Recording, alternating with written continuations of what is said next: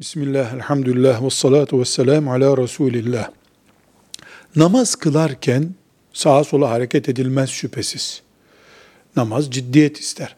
Ancak ön safta bir boşluk oluştuysa o boşluğa rağmen arka safta namaz kılmakta mekruhtur. Dolayısıyla ön safa bir adım, iki adım, üç adım yürünebilir namazda. Hiç bozmadan namazı, bir hareket olmadan ön safa doğru gidilir ve devam edilir. Bu namazı bozmaz. Bilakis namazda ön saftaki boşluğu doldurmak için, sonradan oluşmuş boşluğu doldurmak için yürümek de müstehaptır. Velhamdülillahi Rabbil Alemin.